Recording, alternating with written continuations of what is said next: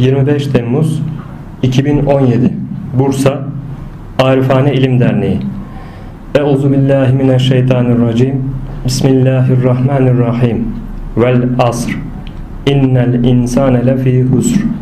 İllellezine amenu ve amelus salihati ve tevasav bil hakkı ve tevasav bis sabr.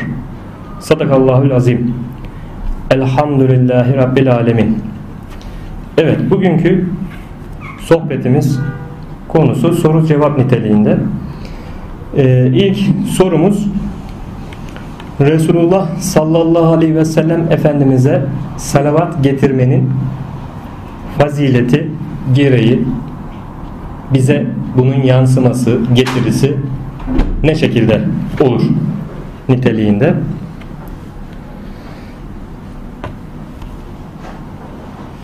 Bismillahirrahmanirrahim. İnna Allah ve melaiketehu yusalluna alen nebi ya eyyühellezine amenu sallu aleyhi ve sellimu teslima. Allahu Teala Resulullah sallallahu aleyhi ve sellem Efendimiz'e salat getirdiğini, meleklerin salat getirdiğini bildirip müminlere siz de salat getirin buyurmakta.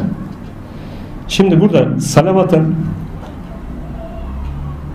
fazileti aslında bir cihetten tekrar bize dönüyor.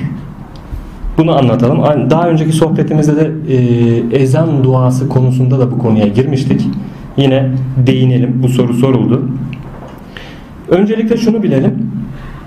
Allahu Teala bu alemi Resulullah Efendimizin e, yaratmış olduğu ilk yaratılan nur Muhammedi, hakikati Muhammedi denilen bu hakikat ondan yarattı bütün alemi.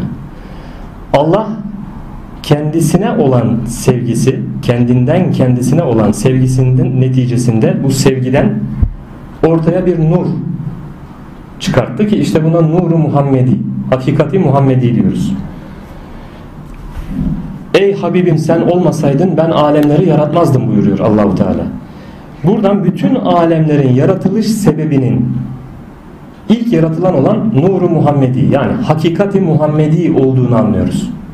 Çünkü bütün alemler Resulullah Efendimizin e, vesilesiyle o sebep kılınarak yaratıldı. Sebepsiz yaratılan ilk varlık Resulullah Efendimizin nurudur, hakikatidir. Ondan sonra var olan her şey sebeplidir. Yani ondan dolayı o sebep kılınarak yaratılmıştır. Olayı bu şekilde bir bakış açısıyla bakarsak şimdi anlatacağımız mevzular daha net bir şekilde kafalarda oturur, yerini alır. Dolayısıyla bütün alemde var olan yaratılmış her ne varsa hepsi Resulullah Efendimizin o nurundan yaratılmış oluyor. Şimdi e, Resulullah Efendimiz yine bir hadis-i şerifte buyuruyor ki Adem su ile çamur arasındayken ben nebiydim. Yani buradan işaret edilen hakikat ilk yaratılan olması hasebiyle Resulullah Efendimiz ilk yaratılan olması hasebiyle ilk nebidir. Hakikati itibariyle Nur Muhammedi. Ama zahirde şehadet alemine gelişte ise en son nebi Resul olarak dünyaya geldi. Ama yaratılışta ilk başlangıç olarak baktığımız zaman ilk nebidir. Şimdi konuyu salavattan açıyoruz ama detaylıca da bu konuya girdiğimiz için detaylıca alalım.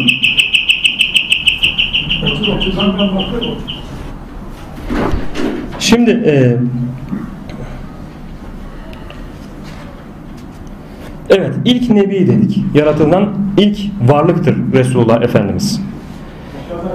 Dolayısıyla Allahu Teala'ya vasıl olmak, Allah'ı bilmek, tanımak, kulluğunu layıkıyla yerine getirmek için Resulullah Efendimiz'e zahirde ve batında ittiba yani tam bir bağlılık onun yapmış olduğu uygulamaları yapmak farzları yaptıktan sonra sünnet dediğimiz Resulullah Efendimiz'in yapmış olduğu uygulamaları yapmak onları yerine getirmekle ancak Allah'a daha yakin elde edilir. Çünkü e, bu hakikati Muhyiddin İbn Arabi Hazretleri fütühatında da dile getirmiştir. Zahirde ve batında Resulullah Efendimizin yaptığını yaparak, onu taklit ederek ancak Allah'a yakin elde edilir. Allah'ın e, sevgisine ulaşılır ve kullukta da kemalata ulaşılır. Kamil kulluk yerine gelinebilir.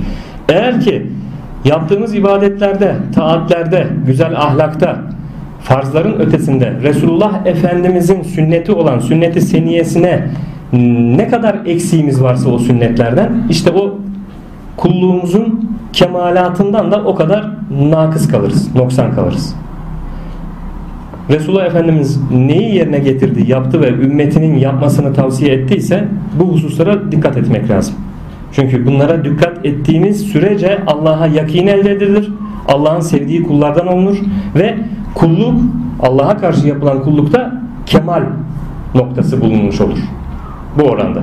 Demek ki sünnetten ne kadar eksiğimiz varsa, noksanımız varsa kemalden de o kadar eksiğiz, noksanız. Bu hususu böylece bilelim. Hangi sünnetleri yerine getiremiyorsak işte o kemal noktasında, kulluğun kamilliği noktasında da o derece eksiğiz ve noksanız, uzağız demektir. Bu hakikati de böylece bilelim. Şimdi birçok salavat vardır. Resulullah Efendimiz'i övgüyle yad eden, anan, e, Allahu Teala'dan ona işte rahmet, bereket, fazilet, lütuf, ihsanlarını onun üzerine olması hususunda dile getirilen farklı farklı birçok salavatlar vardır. Nitekim e, bu salavatların tabii ki e, dereceleri de farklıdır. Bu salavatları okuduğunuzda işte manevi olarak size e, getirisi, kazancı, e, manevi size kattığı derece muhakkak ki değişiklik arz eder. Salavat çeşitleri çoktur dedik. Ama bu salavatların içerisinde tabi bazen e, diğerlerine oranla daha manevi getirisi yüksek olan salavatlar da vardır. Şimdi çok çeşitli salavat vardır. Ben çeşit olarak çeşitlerine girmeyeceğim. Ancak yolumuzda bildiğimiz sahih kaynaklarla elimize ulaşan, ulaşan bilgiler nezdinde tavsiye edeceğim özelliklerini anlatacağım salavattan salavatı Fatih konusuna değinmek istiyorum. Salavat-ı Fatih Resulullah Efendimiz üzerine getirilmiş salavatlardan biridir. Ancak bu salavat bir kul diliyle bulunmuş, yazılmış, keşfedilmiş bir salavat değildir. Bu Allahu Teala tarafından e, Ahmet Muhammed Ticani Hazretlerine Resulullah Efendimizin yakaza halinde gözükmesi, karşısına çıkması ve Ahmet Muhammed Ticani Hazretlerine benim üzerine bu salavatı getir. Bu salavat yeryüzünde benim üzerime getirilmiş olan salavatların 600 bin katına denktir buyurmasıyla bu salavat-ı Fatih'in ne kadar kıymetli, ne kadar mühim bir salavat olduğunu anlıyoruz. Muhammed Bakır Hazretlerine daha önce Muhammed Bakır Hazretlerine de Allahu Teala tarafından bu salavatın bildirildiği kaynaklarda, kitaplarda yazmıştır. Ee, Ahmet Ticani Hazretlerine ise direkt Resulullah Efendimiz yakaza halinde baş gözüyle görülmesi neticesi bu salavatı vermiştir. Dolayısıyla bu salavatın fazileti Ahmet Ticani Hazretleri uzunca, detaylıca eserlerinde dile getirmiş, yazmıştır. Çok kıymetli bir salavattır.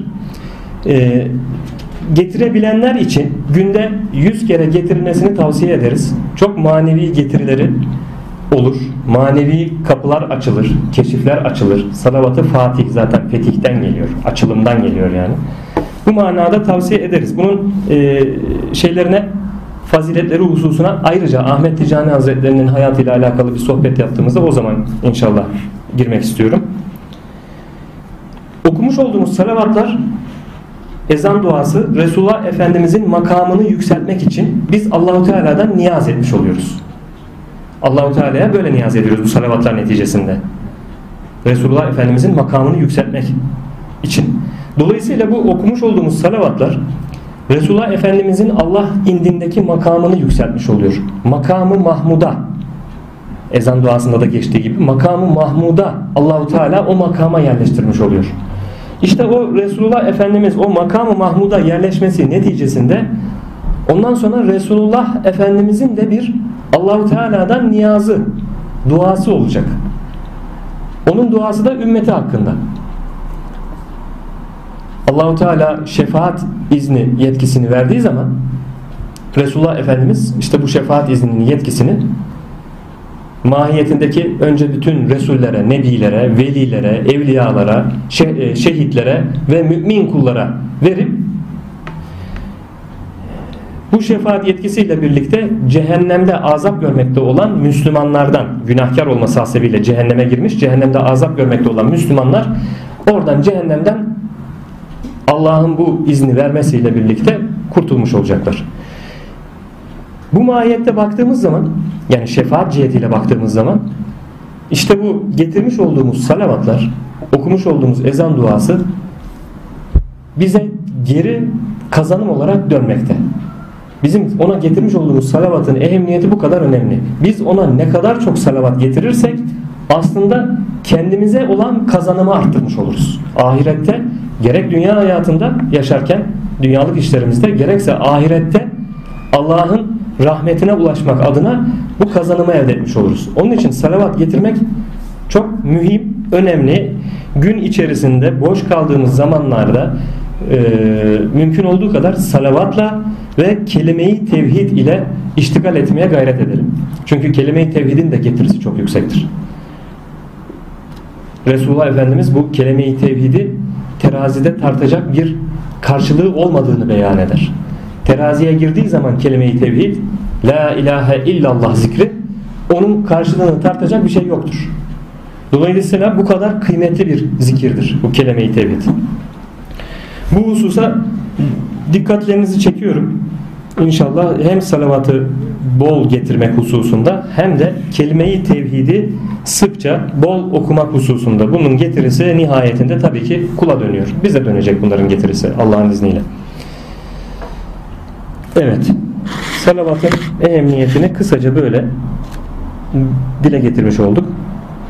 Ee, farzın yine bir soru vardı. Farzların yanında, farz ibadetlerin yanında sünnetin gereği, önemi. Aslında bu salavatın izahını yaparken bunu da açıklamış olduk. Yani sünneti, sünnetlere dikkat etmek, riayet etmek işte bizim kulluğumuzu kamillik noktasına taşıyor. Çünkü Allah'a yakin elde etmek farzları yaptıktan sonra nafilelerle yani sünnetle iştigal etmekle oluyor.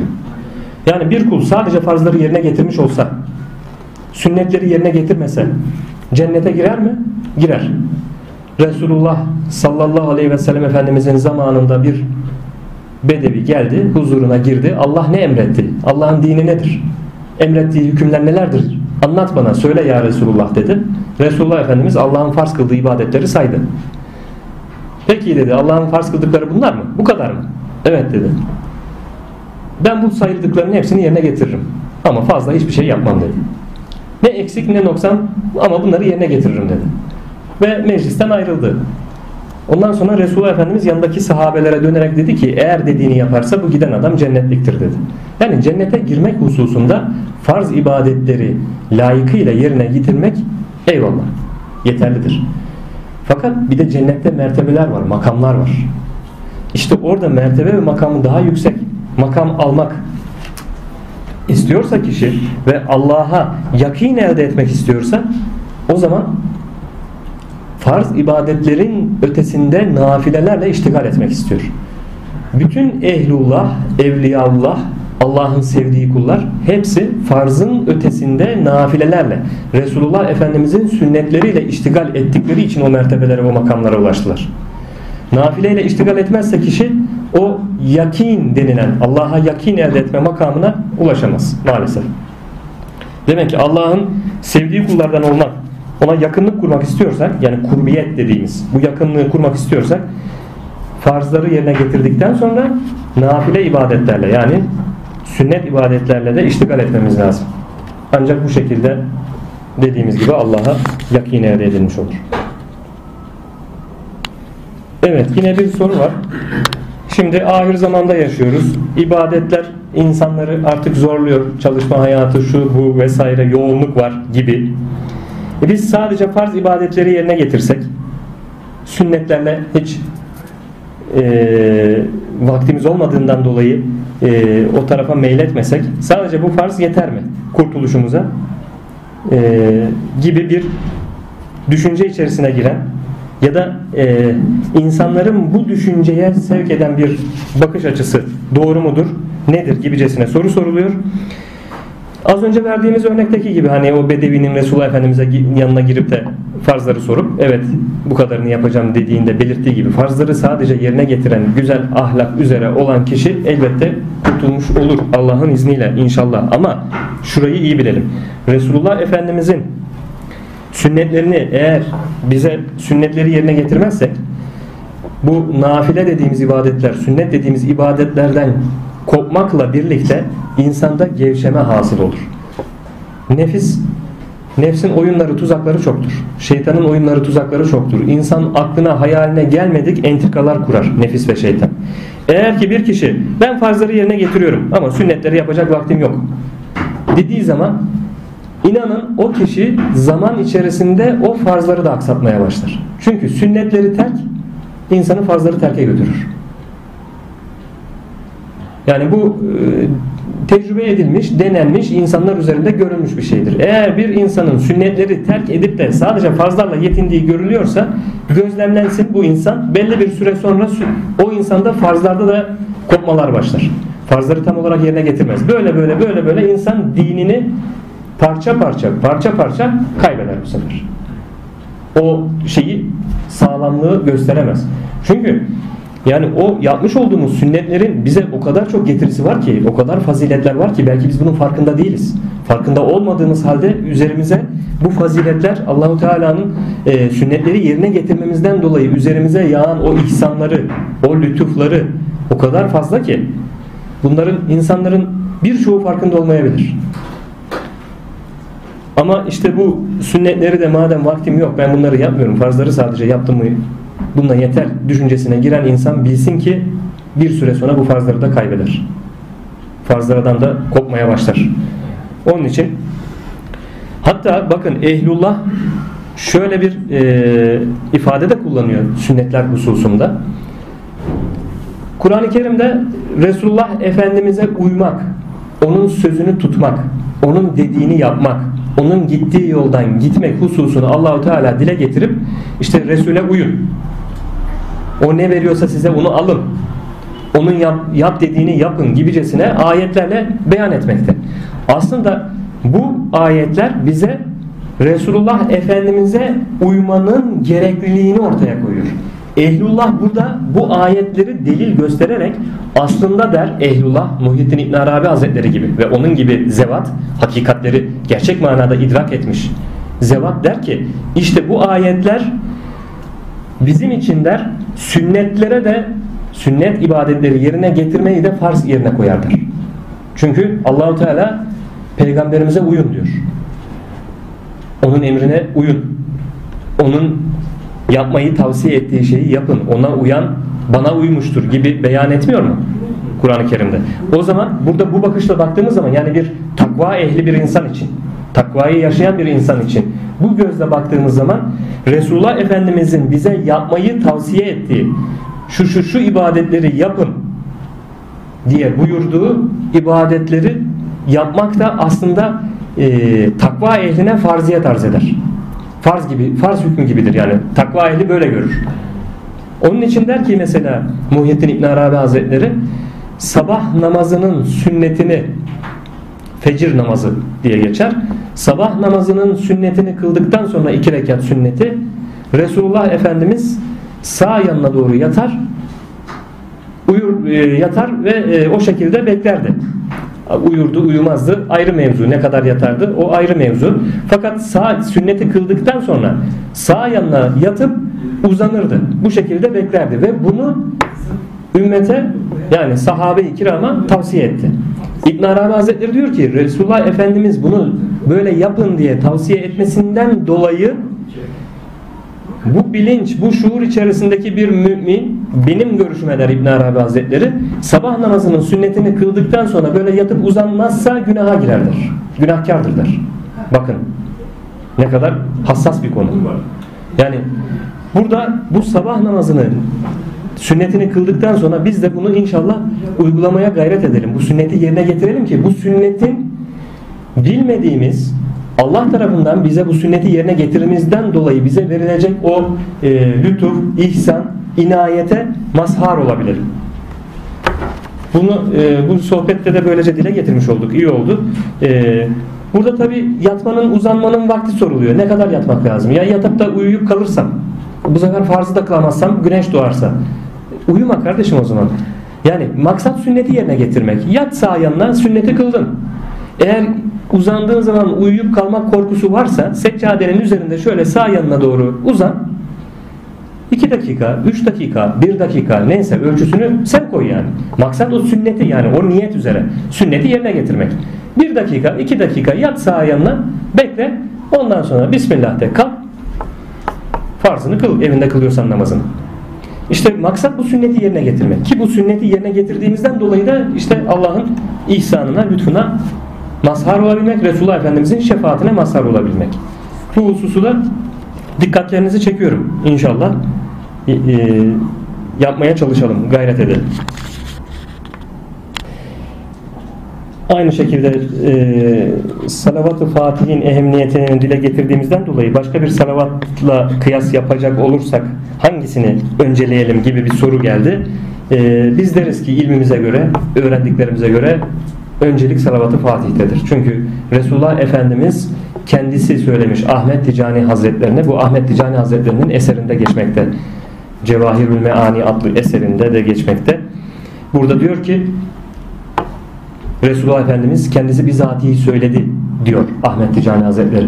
Yeryüzünde başka bilinen salavatlardan her hangisinden dahi üzerime getirilirse getirilsin o salavatların 600 bin tanesine denktir bir tane salavatı Fatih buyuruyor Resulullah Efendimiz Ahmet Ticani Hazretlerine. Bize ulaşan bilgi bu şekilde biz buna göre inanıyoruz, amel ediyoruz. Bunu da böylece beyan etmiş oluyoruz. Yani salavat-ı Fatih'in getirisi sayılamayacak kadar yüksek. Ona ehemmiyet verilmesini böylelikle beyan etmiş oluyoruz. Evet. Yüzde cennet ehli olabilmek için Evet şimdi e, cennet ehli olabilmek için ne yapmak lazım? Cennet ehli olabilmek için şimdi öncelikle bir şunu söyleyeyim. İnşallah burada e, düşünceleri, idrakleri ben farklı bir noktaya çekmek istiyorum. Yaptığımız ibadetleri cenneti kazanmak gayesiyle yapmayalım. Eğer cenneti kazanmak gayesiyle yaparsak bu bizi Allah'tan perdeler. Tasavvuf ehli yani Allah'ı bilen, tanıyan, bu yolda ilerleyen kişi bütün yaptığı ibadetleri Allah'ın rızasını elde etmek için yapar. Cennet için yapmaz. Hatta Abdülkadir Geylani Hazretleri ile Gavsiye Risalesi diye bir kitap vardır. Abdülkadir Geylani Hazretleri ile Allahu Teala'nın bir konuşması vardır. Orada Allahu Teala hitap eder Abdülkadir Geylani Hazretlerine. Cennet ehlini bırak der. Onlar cennet için ibadet ederler. Dünya ehlini de bırak. Onlar da dünya için çabaları, gayretleri. Sen benim ehlim ol. Seni o da bu da perdelemesin benden der. Dolayısıyla eğer yaptığımız ibadetler, taatler hep bir matematik hesabına girersek bu bizi Allah'tan perdeler. Bu konu çok önemli. Dikkatinizi çekiyorum. Yani yaptığımız bir ibadet. Mesela birine bir e, iyilik yaptık. Bir sadaka verdik. Veya oruç tuttuk. Veya namaz kıldık. Nafile namaz kıldık. Şimdi acaba işte bu kıldığım nafile namaz e, Allah indinde ne kadar sevap yazar bana? Veya tuttuğum şu oruç getirisi nedir? Sevap ne kadardır? Kaç yüz, kaç bin gibi matematiksel böyle bir hesaba girerse insan Allah'tan perdelenir. Burada bilinçli mümin yaptığı bütün ibadetlerde Allah'ın rızası için ibadet yapma gayretinde olması lazım.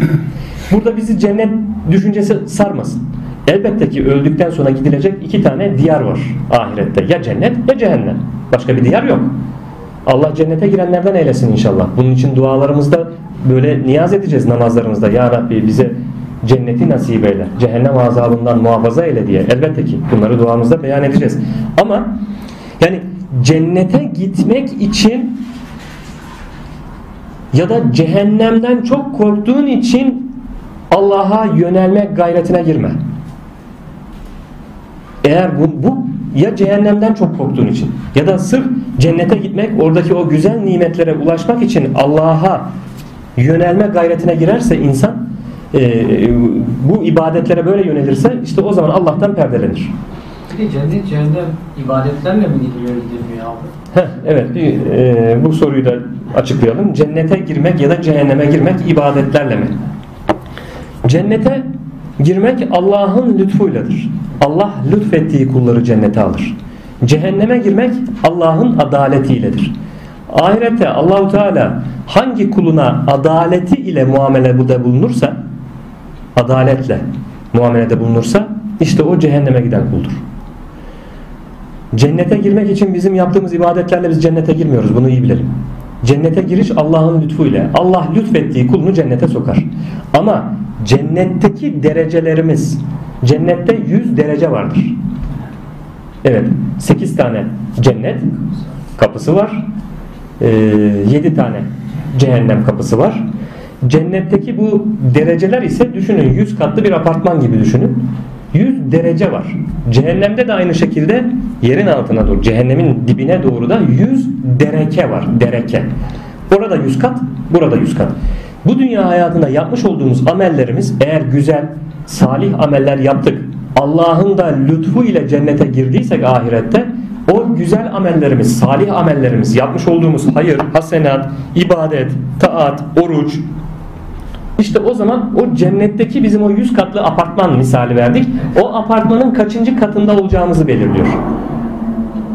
Yani şöyle bir şey anlaşılmasın. E o zaman e, Allah cennete girmek lütuflaymış, cehenneme adaletle bizim yaptığımız ameller kıymeti yok mu o zaman? Hayır kıymeti var. Kıymeti ne? İşte cennete giren için o 100 katlı apartmanın hangi katında bulunacak?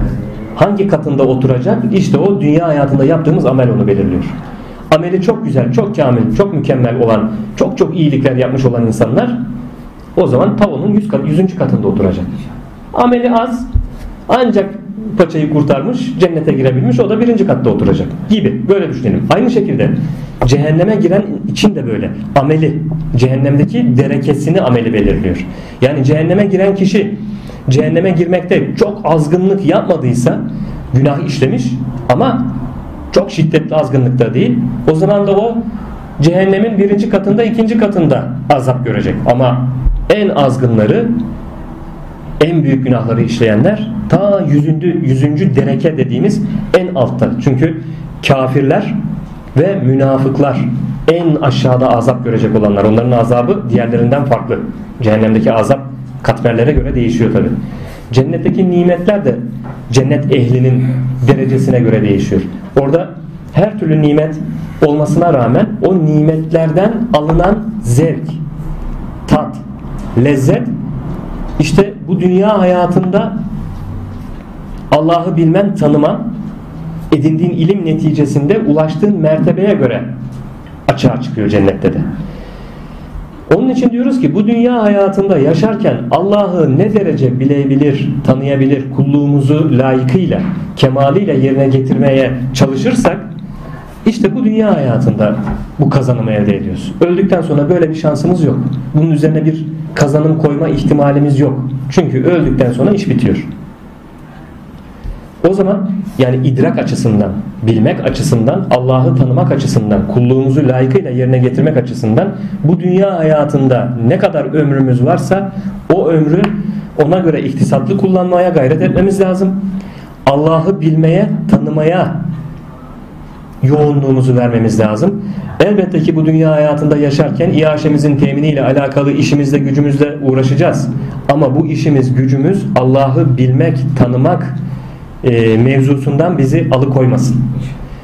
Yani e, hatta bakın Muhittin İbn Arabi Hazretleri diyor ki dinini öğrenmek adına dinini yaşamak adına sana farz olan ibadetleri, şeriatın emretmiş olduğu ibadetleri yerine getirirken sana gerekli olan fıkhi bilgileri ilmihal bilgilerini gerekli olduğu kadarını öğren. Fazlasını öğrenmeye çalışma. Vaktini, zamanını öteki şeylere harcama der. Ne sana ne lazımsa namazı ne bozuyor, abdesti ne bozuyor? İşte namazın misal veriyorum. Cemaate gittin yetiştin imama 3. rekatta öğlen namazının 3. rekatında yetiştin. Nasıl uyulur? Nasıl kılınır namaz? İmam selam verdikten sonra ne yapman gerekir? Gibi veya orucu ne bozar? işte gibi. Böyle şeriatın hükümleriyle alakalı yani bizim ilmi hal dediğimiz, ilmi hal bilgileri dediğimiz o kitapta beyan edilmiş olan mezhebine göre hangi mezheptensen e, hangi mezhebi taklit ediyorsan misal Türkiye'mizde geneli itibariyle Hanefi mezhebi çoğunlukta tabi Şafii de var, Maliki de var, Hanbeli de var ama biz çoğunluk olarak bunu söylüyoruz. Kişi hangi mezhep üzereyse, hangi mezhebi taklit ediyorsa kendi mezhebinden dininin ibadetlerini, amellerini yerine getirmek için gerekli olan o ilmihal bilgisini öğrenmesi kafidir. Detayına girmesinler avam için. Bakın eğer bir din alimi olacaksan, bir işte camide hoca isen, üniversitede din konusunda ne bileyim hadis konusunda fıkıh konusunda bir e, eğitim öğretim veren biriysen bu hususlarda tabii ki teferruatlıca bilgiye sahip olman lazım. Ama böyle değil de e, kendi ibadetinde iştigal eden biriysen bana yetecek kadar bilgiyi öğreneyim deyip ilmihal bilgisini öğrendikten sonra kalan vaktini kalan zamanını Allah'ı bilmeye Allah'ı tanımaya yoğunlaştır der. İbn Arabi Hazretleri. Çünkü bu öğrenmiş olduğun fıkıh bilgisi, bu ilmihal bilgisi ölümle birlikte hükmü biten bilgidir. Kişi öldükten sonra mezara konulmasıyla birlikte ahirette melekler demez ki gel bakalım ikinci rekatta imama yetişince nasıl yapman lazım, kılman lazım namazı. Böyle bir şey yok. Dolayısıyla bu fıkıh bilgisi yani şeriatın bu burada dünya hayatında amellerle amelleri nasıl yapacağımıza dair bilgileri bize bu dünyada lazım. Öldükten sonra bu bilgilerin hepsinin hükmü bitiyor. Orucu ne bozar? Abdesti ne bozar? Bunların hükmü ölümle birlikte bizim üzerimizden düşüyor. Bu bilgilerin bizim için artık kıymeti kalmıyor öldükten sonra. Ama hangi bilginin kıymeti kalıyor? Allah'ı bilmek, Allah'ı tanımak.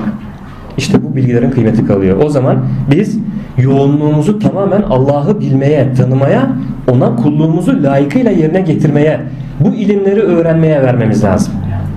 Yani bu çok mühim bir mesele aslında. Şimdi ben normal sıradan bir Müslüman olarak, bir mümin olarak ibadetlerimi yerine getirirken Hanefi mezhebinin bilgileri dahilinde Hanefi mezhebini taklit ediyorum diyelim. Onun dahilinde fıkıh bilgilerini öğrendim. E ya ben bir de şimdi Şafii mezhebini öğreneyim. Bir de Maliki'ye bakayım. Bir de Hanbeli'ye bakayım demek gereksiz. Sen bu mezhebi taklit ediyorsan, bununla amelini yerine getiriyorsan bunu öğrendin mi? Yeter.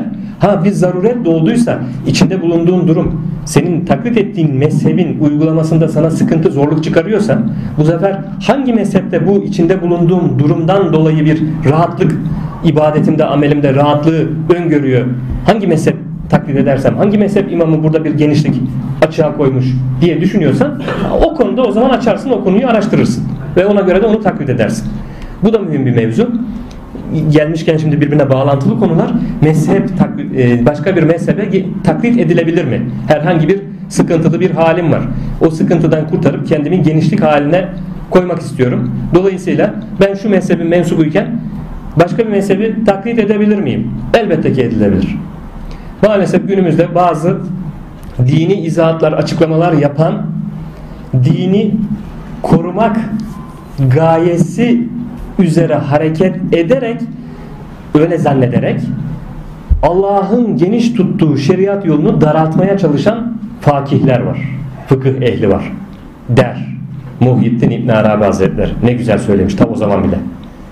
Allahu Teala bu şeriatını geniş tuttu diyor. Uygulamada bakarsın. Bana bu mezhep imamının yaptığı iştihat benim şartlarıma rahatlıkla yerine getirebileceğime uyuyorsa eyvallah o mezhep imamını taklit, yap, taklit edersin. Amelini ona göre yerine getirirsin. Ama içinde bulunduğun şartlar, durum seni onu yapmakta zorluyorsa o zaman kolaylık yapan, kolaylık bir iştihadı olan başka bir mezhep imamı varsa o zaman onu taklit edersin. Yani bunu engellemek olmaz efendim. Hayır sen bir mezhebin mensubuysan Hanefi mezhebine mensubuysan onun mensubu böyle bir o mezhebe tutacaksın. Burada sıkışın sıkıntıya girmişsin. Değiştireceksin öteki mezhebin imamını taklit edeceksin. Öyle bir şey yok. Öyle bir şey olmaz dinde. Nerede yazıyor dinde öyle bir şey olmaz diye. Yok öyle bir şey.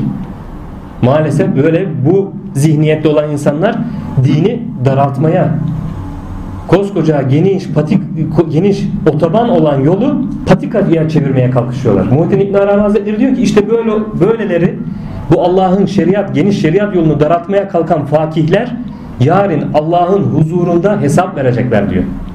Siz bu kadar bu ümmeti niye böyle daralttınız, sıkıntıya soktunuz? Allah'ın şeriatı genişti. Siz niye daralttınız iyice? Öyle olmaz, böyle olmaz, öyle yapamazsın, şöyle yapamazsın. Hayır sadece böyle yapacaksın. Bu hususta e, düşünülmesi gereken, tefekkür edilmesi gereken, araştırılması gereken, bilinmesi gereken bir konu. Ben haçla ilgili bir şey soracağım veya maliklerle ilgili gelmişken hani kolaylaştıracağız diyoruz ya. Evet. Maliki mezhebinde yanlış bilmiyorsam abdest uyu- uyuduğun zaman abdesti bozmuyor. Şimdi bu çok kritik bir konu. Şimdi yer, gelmişken anladım ben. Aa, Mezhep yani- konusuna da değinelim. Yani mezheplerdeki uygulamaların farklılığı. He, Farklılığı. Mesela bu şimdi abdest konusu şimdi kolaylaştıracaksak eğer otobandaysak hocam ondan sonra şimdi o zaman uyuyup kalktıktan sonra ondan sonra abdest almadan namaz kılınabilir mi? Şimdi şöyle şöyle söyleyeceğim. Bu mezhepler Mesela en önemli şey kolaylaştırıcı şeylerden bir tanesi abdest konusu. evet. Mezhep, mezhepler konusunda mezhepler, mezhep imamları yani bizim dört hak mezhep diye bir dile getirdiğimiz, beyan ettiğimiz mezhep imamları aslında Resulullah sallallahu aleyhi ve sellem Efendimizin zamanında ya da onun vefatından sonra e, böyle bir şey yoktu. Mezhepler sonradan çıktı. Onun e, vefatından sonra sahabe-i kiram içerisinde Resulullah Efendimiz'i görüp ibadetine amellerine şahit olan hangi hal üzere ne şekil ibadet ettiğini gördüyse öyle amel ederdi sahabe. Dolayısıyla sahabelerin içerisinde çeşit çeşit her biri çünkü zaman zaman farklı farklı şeyler görmüş Resulullah Efendimiz'den şahit olmuş. Çeşit çeşit bir e, ameldeki farklılıkları vardı. Daha sonra bu farklılıklar toplandı. Bu dört hak mezhep dediğimiz dört mezhepte toplanmış oldu. Bütün bu e, farklılıklar teferruatıyla bu dört hak mezhepte e, toplanmış oldu. Mezhep imamları yani müştehitler iştihat eden demektir yani. Dinimizde iştihatın yeri vardır. Tabii ki iştihat Kur'an, sünnet, icma, iştihat. Burada iştihat ile yani bu mezhep imamı Kur'an-ı Kerim'den, o ayetten anladığı anlam üzere bir hususta bir iştihada varıyor. Yani iştihat dediğimiz mevzu bu. Bu Kur'an-ı Kerim'de bunlar tabii çok detaylı teferruatlı konular. Yani Kur'an-ı Kerim'deki o ayetinde geçen bir kelimenin okunuşunda işte esre ötre olmasına göre anlam değişebilen kelimeler oluyor ki bu kelimelerle birlikte bu sefer ayetin anlamında da bir e, farklılık olabiliyor. Bu durumda içtihat işte içtihatlar farklılaşabiliyor. Bunlar tabii çok e, uzun detaylı konular. Buralara girmeyeceğiz. E, şeye müştehitin nasıl iştihat ettiğine dair ama şunu söyleyeceğiz ki bütün dört hak mezhep olarak Resulullah Efendimizin yapmış olduğu uygulamaların toplanmış olduğu bu dört hak mezhepten hangisine uyarsanız uyun ibadetlerinizde amellerinizde hak yol üzeresiniz. Bu bu şekilde bilinmesi lazım. Hangisine uyarsak uyalım bu dört hak mezhebin üzerinden hangisini taklit edersek edelim ibadetlerimizde, amellerimizde hak yol üzereyiz. Çünkü bunların hepsi Resulullah Efendimizin yapmış olduğu uygulamalarla amel etmiştir. Keyfi yaparsak olmaz, zoruri Tabii ki sıkıntılı şimdi şu şu hal var. Yani aslında fakihlerin böyle mezhep değiştirmeyi sıkıntıya sokması ya da kolay görmemesi. Öyle mezhep değiştirmek kolay değil kardeşim. Hangi mezheptensen ona göre gideceksin. Çok aşırı zaruret varsa o zaman ancak belki değiştirebilirsin gibi zorlamalarından altında yatan eee, bir hakikatte şu oluyor. Yani insanlar bu sefer gevşemesin. Yani orada şu kolaylık var. Abdesti buna göre yapayım. Maliki'ye göre alayım. Namazı Şafii'ye göre kılayım. Orucu Hanbeli'ye göre tutayım gibi böyle e, ondan ona ondan ona atlama ha- e, olmasın. Yani bir e, disiplinsiz bir hal almasın diye belki bu manada korumak için belli bir çizgiyi korumak için demişler ki kardeşim yani zaruret olmadıkça başka bir mezhebin taklitine girmez bir mezhebe intisabında olan kişi demişler. Ama bunun hükmü ucunu da böyle bağlayıp yani kesin hükümmüş gibi hayır e, hiçbir şekilde başka bir mezhebin taklidi uygun olmaz demek de yanlış. Çünkü hak yol bu da hak yol yani. Dolayısıyla kişi içinde bulunduğu duruma göre, zaruretine göre, ihtiyacına göre farklı mezhep imamını da taklit edebilir. O mezhebin içtihadıyla da amel edebilir. Evet. Evet buradan bir kardeşimiz diyor ki e, Resulullah Efendimizin bir hadisi şerifi var diyor. Bu hadisi şerife göre diyor bizim görevimiz ne olmalı ya da hareket tarzımız ne olmalı? E, hadisi şerif şu şekilde geçiyor. Aralarında günahlar işlenip durduğu halde bu günahları işleyenlerden daha güçlü ve onları engellemeye muktedir iken bunu yapmayan topluluğun hepsine birden Yüce Allah azap verir. Evet bu Resulullah Efendimizin hadisi şerifi günah işlenip toplumda günah işleniyorsa Allah'ın emrine muhalif haller hasıl oluyorsa günah fiiller işleniyorsa bu günahları işleyenlerden daha güçlü ve onları engellemeye muktedir iken evet o günahı işleyenlerden güçlü onlara e, müdahale etmeye muktedir bu güç ve kudret kendisinde var bu iktidar kendisinde var iken bunu yapmayan topluluğun hepsine birden Yüce Allah azap verir buyuruyor. Çeşitli şekilde basın medyada tartışılıyor bu konu. Yani bu şerif. Bu hilafet devleti olsa halifeye mi seslenmiş burada Resulullah Efendimiz ya da Müslüman bireylere mi seslenmiş Resulullah Aleyhisselam? Burada buradaki buradaki seslenişten e, birey değil e, bir e, topluluk anlaşılıyor ki çünkü bireysel olarak bir e, günah işleyen güruha, topluluğa nasıl müdahale etsin ki? Ondan daha güçlü nasıl olsun bir kişi, tek kişi? Burada o oradaki topluluğun kuvvetli olması yani Müslümanların Resulullah Efendimizin ben şimdi bu hususu aydınlatması hususunda e, şöyle bir hadisi şerifini de e, beyan edelim ki konu daha iyi yerine otursun. Hani bir e, şey işlendiğinde günah işlendiğinde eğer gücün yetiyorsa elinle gücün buna gücün yetmiyorsa dilinle buna da gücün yetmiyorsa kalben buğz etme, etmelisin buyurmakta Resulullah Efendimiz ki e, en aşağı mertebesi de budur. Burada tabi bunları mertebe mertebe e, almak lazım. Yani elinle müdahale edebilmen için bir güç, otorite olması lazım. Yani bir güç, otorite olursa ancak elle müdahale mümkün olabilir. Eğer e, burada dilinle müdahaleye de işte mesela alimler bu konuda bilgili insanlar giriyor. Diliyle müdahale edecek alim kişi, ilmi olan kişi bu ilmini kullanarak, kalemini kullanarak burada yapılan yanlışı, hatayı, günahı dile getirecek, insanlara anlatacak. Ancak avam olarak e, bir kudreti olmayan kişi ise burada ancak buğz etmek derecesinde kalmış olur ki kalben buğz etmiş olur. O yapılan o hata günaha onu ortak olmamak adına onu hoş karşılamadığını o Allah'ın bir e, emrine muhalif bir hareket fiil olduğundan dolayı ona karşı bir buğz etmesi kalmış oluyor. Bunu bu çerçevede düşünürsek tabi burada mertebeler giriyor devreye. Yani e, bu derin bir konu. Kişinin mer- mertebesiyle birlikte açıklanacak bir yani kişisellikten ziyade toplum olarak toplumların idaresi ve yönetimiyle alakalı bir mevzu. Kadınların tesettürü nasıl olmalı? Evde Müslüman olmayan bir kadın varsa o da Müslüman kadına haram mıdır? Evet. Kadınların tesettürü mevzu geçenki sohbetimizde işlemiştik. Detaylı bir şekilde. Ee, tabii ki kadınların tesettürünü Allahu Teala e, Nur suresinde 31. ayette beyan ediyor, buyuruyor.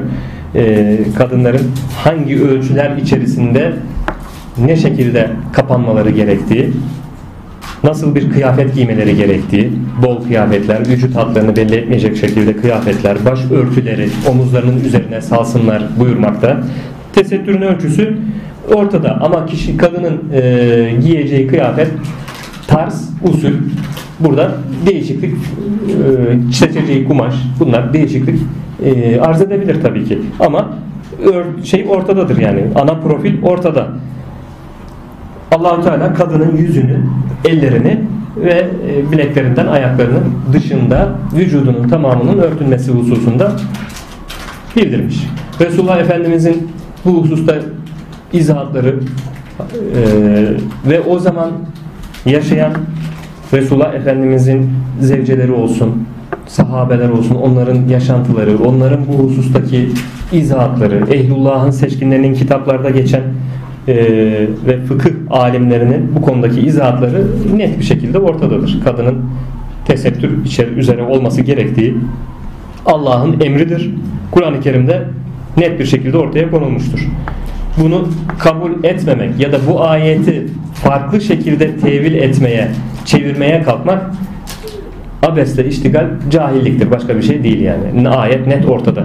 1400 senedir Resulullah Efendimiz zamanında o dahil, sahabe dahil, ehlullah dahil hepsi yani haşa hata mı yaptı, yanlış mı anladı o ayetten de günümüzde çıkmış 3-5 kişi hayır efendim siz o ayetten yanlış anlıyorsunuz orada işte kadının başını örtmesi e, anlatılmıyor başka şey anlatılıyor oradaki kelime şu anlama geliyor gibi kendine kendi nefsani, şeytani e, zevklerine göre yorum yapmaya kalkanlar çıkıyor günümüzde. E, Bunlar itibar edil- edilecek şeyler değil. Net bir şekilde bu ölçü ortada zaten. E, Bu tarz insanlar ancak kendini aldatmış olur. Başka bir şey yapmaz. Devamında bir şeyler vardı galiba hocam. Evde Heh, Müslüman O Müslüman olmayan bir Müslüman olmayan bir kadın eğer e, aynı evde bulunuyorsa o kadının e, yanında Müslüman olan kadın e, nasıl kıyafetinde nasıl ne hal üzere bulunması lazım? Evet yine aynı tesettür halinde bulunması lazım. İşte tatillere gidiyoruz. Hanımlar ayrı, erkekler ayrı. Hanımlar tarafında zaman zaman sıcak su otelleri, şunların Müslüman olmayan kadınlar da gidebiliyor. Oradaki durumu anlatabilmek adına. Yabancının dışında yabancıların e, yanında hanım da olsa eğer Müslüman olmayan hanımların yanında bulunuyorsa bir Müslüman kadın tesettür e, çizgisini koruyacak. Tesettür çizgisini koruyacak. Te- Aynı dışarıda nasıl tesettürüne riayet ederek bulunuyorsa aynı o Müslüman olmayan bayanların yanında da o tesettürü üzerine bulunmak zorunda kalıyor. Yani bilekler falan kapı, kapalı olmak zorunda mı? Evet. Aynen öyle. Çünkü Müslüman olmayan kadının yanında Müslüman olan bir kadın tesettür ölçüsünü korumak zorunda. Yani bizim öğrendiğimiz, edindiğimiz ilmi, ilmi cihetten izahatımız bu şekilde. Farklı farklı izahat yapanlar varsa da orasını bilmem. Ama bizim okuduğumuz eserlerden öğrendiğimiz izahat bu. Zarure durumlarda namazı cem etme durumu olabilir mi? Nasıl olabilir? Buna Resulullah Efendimiz e, kapı açmıştır. Namazı cem etme durumu olmuştur ki hac döneminde de biliyorsunuz Arafat'ta namaz cem ediliyor. Dolayısıyla bu cem etme durumunu e, Hanefi mezhebinde bu o kadar e, geniş tutulmuyor ya da geniş bakılmıyor ama Şafii mezhebinde var. Hani zaruret durumunda namaz cem edilebiliyor. Öğle ile ikindi cem edilebiliyor. Yapabiliyorlar zaruret dur olduğu zaman. Eğer kişi e, bu zaruret içerisinde kaldığını hissediyorsa bu zaruret içerisinde kaldığını hissediyorsa yani başka türlü bu olayı çözme imkanı olmadığını görüyorsa cem edebilir mi? O zaman işte e, mezhep, diğer mezhep imamını taklit ederek cem edebilir. Burada Allahu alem diyoruz. Yani kişi kendi vicdanına sorsun. Resulullah Efendimizin öyle bir hadis-i şerifi var ya. Sana e, müftüler fetva verse de sen dön kalbine sor diyor. Sen de işte burada kişi bu hususta da kendine dönecek, kalbine bir soracak. Yani bu hususta cem etmekte mutmainlik görüyorsa kendinde, tabi bu yaptığı cem de dinimizin hükümleri içerisinde başka bir mezhebin e, müştehidinin, imamının yaptığı iştihat. Bu onun dediği iştihatı üzere şartlara uyuyorsa cem edebilir. Yani etmesini engelleyecek bir pozisyon yok. Hayır kesinlikle cem edemez diye kimse de bir şey söyleyemez. Öyle bir hüküm koyamaz. Çünkü cem var. Cem edilebiliyor. Zaruret halinde olduğuna da inanıyorsa kişi o artık o kişiyi bağlar. O ameli Şimdi bakın bazı ameli durumlarda ameli durumları yerine getirirken eee, aslında kişi ilmi birikimine göre hem ilmi birikimine göre hem de oradaki itikadına göre yani Allah'a olan yakınlığı, irtibatı mertebesince o şeyi ameli yapmada farklılık arz edebilir. Birine e, zorunluyken bir amel birisine zorunlu olmayabilir. Nasıl olur? Size bir e, örnek vermek istiyorum. Allah rahmet eylesin. Burada bir Hasan dede diye tanıdığım bir dede vardı. Hemen hemen herhalde bir seneye yakın bir zaman oldu vefat edeli. Tasavvuf ehli, takva ehli bir zat idi. Evinde sürekli Kur'an okur, ibadet eder. Zikirle meşgul olurdu. Ee, Allah dostlarından biriydi. Ben öyle görüyordum. Zaman zaman e, gidip onu evinde ziyaret ederim. Evden dışarı çıkmaz. Bana burada bir görev verildi, nöbet verildi der. Evde ibadet taatini yapar. İnsanlar bazen işte onu bilen tanıyan gelir evine, ziyaretine. Orada nasihat ederdi. Zayıf, kuru, kısa boylu. Zaten yani az yemekten dolayı da böyle. O yaşına rağmen e, 90'lara yakın bir yaşı vardı. Böyle çok hareketli bir yapısı vardı. Bu bununla yaptığımız bir sohbette şöyle bir şey anlattı. Ben dedi çok uzun yıllar öncesi bir e, dişime dolgu yaptırdım dedi. Dişime dolgu yaptırdım dedi. Sonra kitap okudukça, öğrendikçe dolgudan dolayı rahatsızlık duymaya başladım dedi. Aslında bakın burada hemen parantez içerisinde belirtelim. Dolgu bazı mezheplerde yapılabileceğine dair iştihat mezhep imamları vermiştir. Dolayısıyla onun guslünde bir mani yoktur. Şimdi bu, bu durumla birlikte ben gönlüm bir türlü mutmain olmadı. Bu dolgundan dolayı acaba günaha girer miyim? Gusle mani olur mu? Olmaz mı? Hususunu araştırmaya başladım. Okuduğum eserler de mutmain etmedi. Sonra bir Allah dostu olarak bildiğim bir zata gittim dedi. İsim vermeyeceğim burada. O zata gittim. O zat dedi ki dedi e, senin dişinde dolgu var mı? Yaptırdın mı? Evet var demiş. Yaptırdım. Bize gelip bu soruyu sorana ve benim verdiğim cevap şu şekilde demiş o zat. Eğer dişinde dolgu yoksa yaptırma. Eğer dişine dolgu yaptırdıysan bu hal üzere devam et. Bir sıkıntı yok. Böyle derim demiş. Cevabım budur demiş. Şimdi bu cevabı alınca eve döndüm. Yine bir türlü gönlüm mutmain olmuyor diyor. İbadetlerimi yapıyorum, namazlarımı kılıyorum ama bu dolgu benim beynimi kemiriyor diyor. Ve nihayetinde bir yatsı namazında namaz kılarken sanki böyle yan tarafından bir el ağzımın içerisine girdi dedi. O dolgumu çıkarttı, koparttı. Ağzından bir baktım seccadenin üzerine dolgu düştü dedi. Hiç namazımı bozmadım. O kimdi, neydi, ne eliydi onu hiçbir şeyi bilmiyorum dedi. İrktim, irkildim, ürktüm dedi. Nihayetinde namazı tamamladım, selam verdim. Allah'a hamdü senada bulundum dedi. Ya Rabbi beni bu sıkıntıdan kurtardın diye. Çünkü kafası artık o kadar meşgul olmaya başlamış ki Allah'tan perdelenmeye başlamış. Allah da onu kurtarmış işte o sıkıntıda. Şimdi o onun mertebesine göre olması gereken. Artık o ne kadar kimden bilgi alsa bile dolgunun olabileceğini, gusle mani olmadığına dair ama kalbi mutmain değil. Kalp o dolgudan rahatsız. Allah da o kalp benden gayrı meselelerle uğraşmasın diye Allah lütfetmiş işte. Lütufla onu o dolgudan kurtarmış. Ağzından çıkartmış dolguyu atmış. Ondan sonra kurtuldum dedi. Şimdi bu meseleyi niye anlattım? Kalp mutmainliği mevzusuna getirmek istiyorum. Yaptığımız ibadetlerde, taatlerde belli bir düzeyde, bakın buranın altını çiziyorum, belli bir düzeyde ilim elde ettikten sonra ilmimizin verisine göre seçeneklerimizi seçebiliriz. Yani yapacağımız o ameli durumda ya da o ibadet durumunda hangisini seçmem gerekiyor? Kendi mertebene bak, ilmine bak, Allah ile arandaki e, yakınlığa bak. Hangisi senin için Allah'a daha hoş geliyorsa o zaman o amele yönel. Öyle işle amelini. Ölçü bu yani. Çünkü burada bu, bu, buna ne diyoruz işte takva. Çünkü takva mertebe mertebedir. Herkesin mertebesi farklıdır. Öteki adama bakarsın dolgusuyla namazını da kılar, ibadetini de yapar. Hiçbir sıkıntı yok. Namazı, ibadeti kabul olmuyor mu? Elbette ki kabul oluyor. Evet bu durumda kişi şeyine bakması lazım. Mertebesine bakması lazım. Yani benim ilmi birikimim ne düzeyde, mertebem nereyi götürüyor, nereyi kaldırıyor. Yani Allah'a yakınlıkta, Allah'a yakınlık kurmakta hangi uygulamayı yapmam daha Allah'a sevimli geleceğine inanıyorsam o zaman ona göre amel etmem lazım.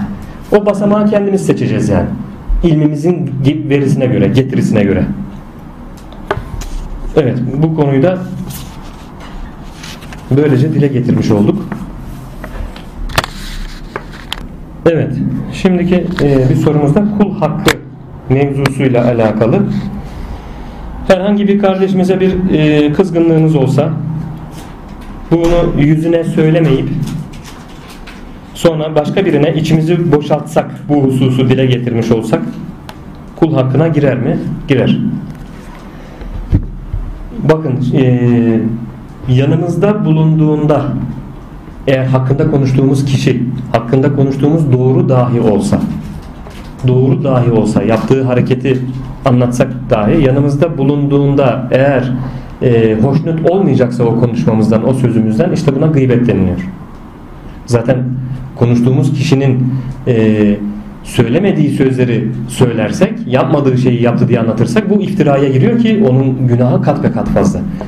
Ama yanımızda e, işte o kişinin başka bir insana, üçüncü bir kişiye o kişi hakkında yaptığı işle alakalı veya söylediği sözle alakalı ifadeyi dile getirdiğimiz zaman eğer ki o hakkında konuştuğumuz kişi yanımızda bulunsaydı hoşnut olmayacaksa, razı olmayacaksa o konuşmadan işte o zaman bu ölçüsü bunun gıybet. O zaman da bu kul hakkına giriyor. Bu durumda kişiyle helalleşmek lazım. Kul hakkından kul hakkından kaçınmak gerekiyor. Hayvan hakkı ve gayrimüslim hakkından çok çok hassas bir şekilde kaçınmak gerekiyor. Onu daha önceki sohbetimizde de dile getirmiştik. Kul hakkına dikkat etmemiz lazım. Evet.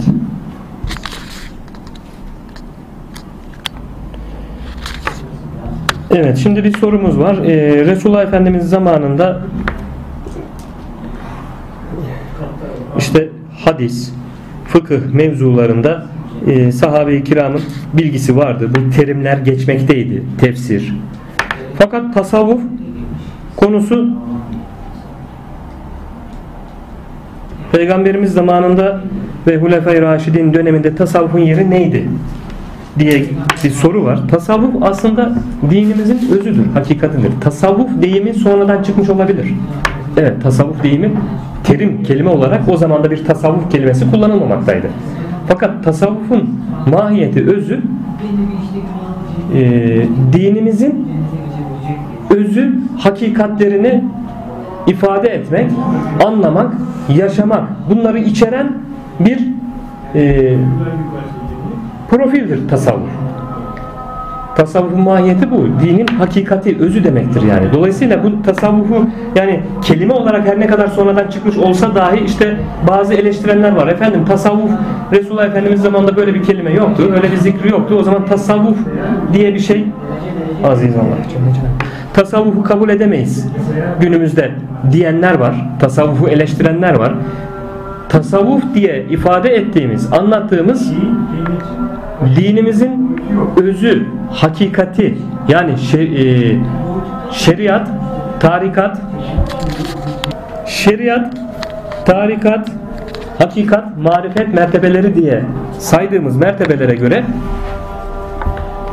tasavvuf işte bütün bu mertebeleri anlatan, izah eden, ifade eden marifeti, hakikati ifade eden bir e, şekildir. Dolayısıyla e, tasavvuf o zamanki yaşantıda Resulullah Efendimizin yaşantısından e, veya sahabenin yaşantısından ayrı bir oluş ya da bir yaşayış tarzı değildir. Yani sonradan çıkarılmış, uydurulmuş bir şey değildir. Nitekim Ebu, e, Sufa ehli dediği Resulullah Efendimizin Mescidi Nebevi'de onlar için ayrı bir bölüm ayırdığı Sufa ehli dediği zevat vardı sahabeden. Tamamen böyle hakikat ve marifete yönelmiş o ilimlerle iştigal eden insanlardı bunlar mescitte bu tarz ilimleri konuşurlar.